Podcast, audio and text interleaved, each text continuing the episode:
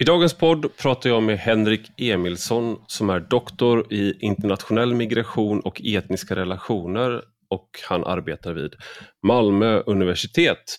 Han beskriver Tidöavtalet som ett paradigmskifte och menar att det är SD-politik rakt igenom. Jag ville prata lite med honom för han arbetar också på en bok som handlar om svensk migrationspolitik från 50-talet och framåt. Eh, varför avviker Sverige så mycket från sina grannländer från 90-talet och framåt vad gäller sin migrationspolitik? Det är en av frågorna han arbetar med. Eh, en annan fråga är vad det var som hände 2015-2016 och hur man kan förstå det. Alltså migrationskrisen rent vetenskapligt. Hur kunde Sverige gå från ett av världens, eller ett av Europas mest generösa länder vad gäller migrationspolitik till att lägga sig på en ganska låg nivå? Vi pratar historiskt också om Lucia-beslutet som social, den socialdemokratiska regeringen fattade i slutet av 80-talet.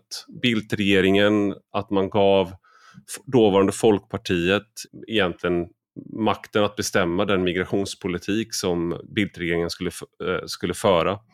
Eh, så man rev upp Lucia-beslutet. Så att genom åren så har små partier Eh, haft väldigt stort inflytande över migrationspolitiken i strid med vad gemene man anser och också i strid med vad de stora partierna anser i frågan. Men på grund av blockpolitiken, på grund av att man behöver behålla, eh, man vill ha regeringsmakten, så offrar man migrationspolitiken för det. Vi pratar om eh, tidavtalet såklart eh, och vilka punkter som fick eh, Henrik Emilsson som, då, som är forskare på de här frågorna att lyfta upp ögonbrynen. Vad kunde man ha gjort annorlunda? Men också, finns det någonting som eh, man ändå kan se att Liberalerna kanske haft inflytande över? Och Henrik Emilsson menar att det kan nog ha varit arbetskraftsinvandringsreglerna som finns med i Tidöavtalet där man inte har återinfört den skiktning som man hade innan uppgörelsen mellan Alliansen och Miljöpartiet eh, 2010 där man skilde på lågkvalificerade och högkvalificerade. Det har man inte återinfört och det är också den vanliga regeln, regeln för andra motsvarande länder att man skiljer på olika typer av arbetskraftsinvandrare. I tidavtalet så verkar man ha nöjt sig med att höja lägsta lönen för de som kommer hit. Men nu till dagens gäst. Du lyssnar på Rak Höger med mig, Ivar Arpi.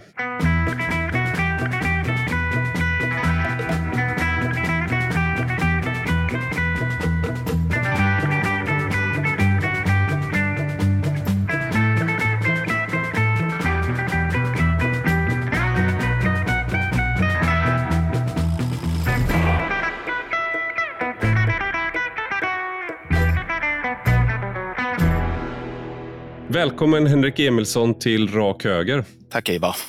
Jag tänkte, nu ska vi, jag gör precis tvärtom mot vad man ska göra när man skriver journalistiskt. Man ska börja med nyhetskroken och så ska man, kan man sen liksom komma till historien. Nu har vi börjat med historien och jag tänker att vi ska fortsätta bara så ska vi komma fram till tidavtalet. För det är migrationskrisen 2015-2016 där, alltså det, det, skedde 2015 men omsvängningen skedde i slutet av, eh, av året framför allt och sen början av 2016 där sker ju någonting. Men rent liksom, om man ska förstå det på ett eh, eh, vetenskapligt plan eller på en mer på ett, liksom, högre plan, försöka vad är det som sker och har vi liksom sett, eh, kan vi nu när det har gått några år konstatera liksom, att det, vad det skiftet innebar, så att säga? Jag, jag tror att det som hände 2015, utan det så skulle vi aldrig eh, se det vi ser idag. För att den här värdegemenskapen jag berättade om, att partierna liksom hade talat ihop sig till en viss förståelse av migration. Eh, det var till exempel jätteviktigt att skilja på migration och integration. Alla erkände att vi hade problem med integrationen och det var samhällets fel. Men det var inte migrationspolitikens fel. Det, det fick man inte säga. Så att det fanns vissa sådana här eh, narrativa krokar liksom som man byggde upp eh, som man inte fick bryta med. Och mm.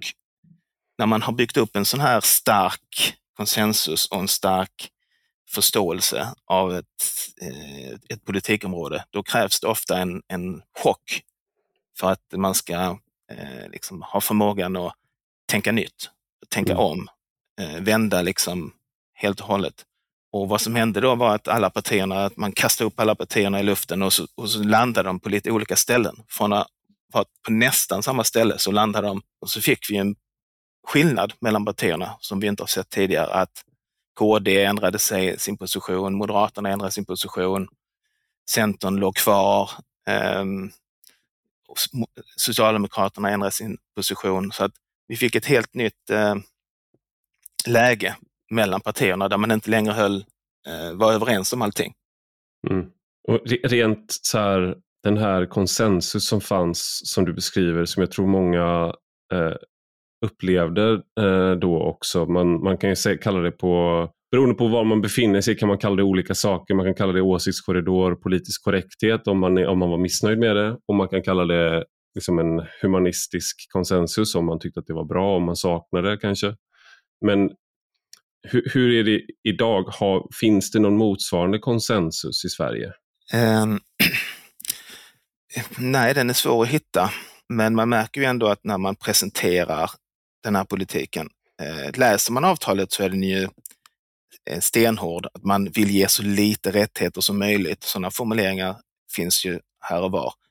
Men när man presenterar det i tv, då försöker man ändå vrida det till att ja, det blir en försämring, men vi förbättrar det också genom att göra så här och så här. Och nu tar vi mm. hand om de allra mest sårbara eller um, biståndet sänks men blir bättre ändå. Alltså, man försöker ju ändå linda in det i fina ord. Mm. Man, eh, den här eh, rakheten som Sverigedemokraterna står för eh, finns ju inte bland de andra tre partierna. Jag tänker på, vi har en bit kvar till eh, jag tänker på Bolsonaro i Brasilien till exempel. När han får, fått frågan om militärdiktaturen så har han sagt att problemet med den var att de inte sköt tillräckligt många. De borde ha skjutit ungefär 30 000 fler tror jag han har sagt. Och det där är inte något, är liksom, han, han upprepar den typen av, så det är liksom, mm eller, eller Duterte för den delen som eh, i uh, Indonesien, som, eller inte Indonesien, vad säger jag? Jo, Indonesien, eh, som säger liksom att motsvarande saker. Att man, sådär, de, de, har ju, de har verkligen inte kvar någon så godhetssignalering, eh, om, om, man ska säga så. Eh, vi har långt dit, tack och lov. Eh, jag tänker vi ska nu gå in då på Tidöavtalet. För det är ett skifte här, eh, hävdar eh, de partierna som ligger bakom det. Eh, och Jimmy Åkesson säger att det här är ett paradigmskifte. Eh, det ska innebära det och det är därför de har kunnat ställa sig bakom den här regeringen.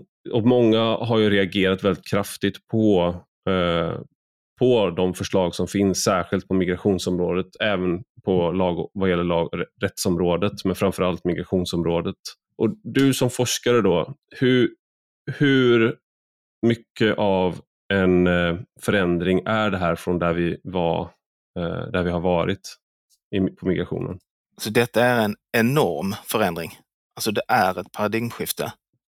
Ehm, jag hade förväntat mig stora förändringar efter valet, men när jag såg det här dokumentet och läste migrationsdelen så blev jag nästan chockad. Alltså det är allt som ska ändras. Eh, det, ju, det ger intrycket faktiskt att det inte skett förhandlingar liksom om migrationspolitiken mellan partierna, utan mer att SD får migrationspolitiken och mm. vi får någonting annat och något annat parti får någonting annat. Och sen har man lagt in små brasklappar då att det ska ske inom EU-rätten, det ska värna asylrätten, det ska beredas. Det är mm. de tre liksom, eh, brasklapparna man har lagt in för att moderera det. Men varje enskild förändring skulle, är tänkbar som, som jag såg det, men inte, inte den här eh, antalet förändringar.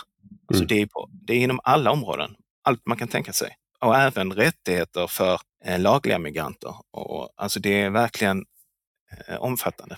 Och kan det, om man ska spekulera, är det, kan det vara så att till exempel Moderaterna och Kristdemokraterna har, ganska, är ganska okej okay med de här förändringarna, men de är också ganska okej okay med att, så att säga, alla anser att det är Sverigedemokraterna som ligger bakom mycket av det. Så det kan inte jag uttala mig eh, om, men man har ju sett att Moderaterna har gått i denna riktningen och även Kristdemokraterna. Men eh, det ger ändå intrycket av att så här långt hade de inte gått om de fick bestämma själva. Mm. Så att Sverigedemokraterna har verkligen haft ett stort inflytande. En kritik som har, det är att ställa frågan, är det någonting särskilt, någon, några särskilda eh, punkter som du har reagerat på som du inte eh, trodde skulle finnas med?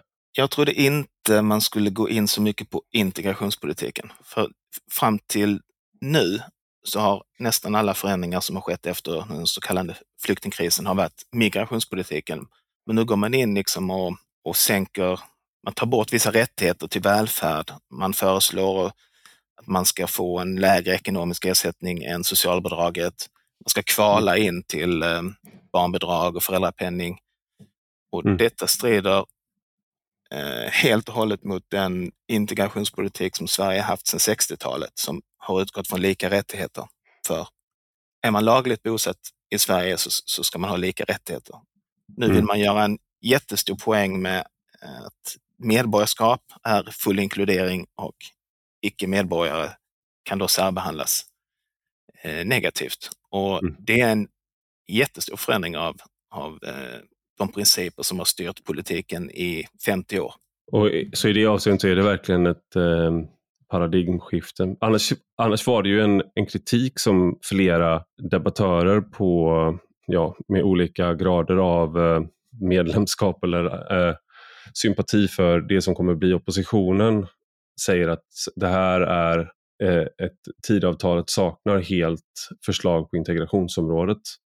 Skulle du hålla med om, om, att, det, för det du säger nu skulle, väl, skulle jag kunna tänka mig då att någon skulle säga att det där är ju inte integration, det där är ju motsatsen till integration. Alltså just att det är liksom inte ett sätt för att försöka inkludera människor eh, mer eller ge dem mer verktyg utan det är liksom att göra det svårare för dem snarare, eh, skulle, någon, skulle någon kunna säga då. Jo, men jag håller med där för att, att Sveriges integrationspolitik är jättedålig som de flesta, den bilden har ju getts även av partierna själva. Mm. Men tittar du till exempel på eh, hur stor andel av personer som får asyl som arbetar, då ligger Sverige i topp i Europa. Skillnaden är att vi har många fler som har fått asyl i Sverige.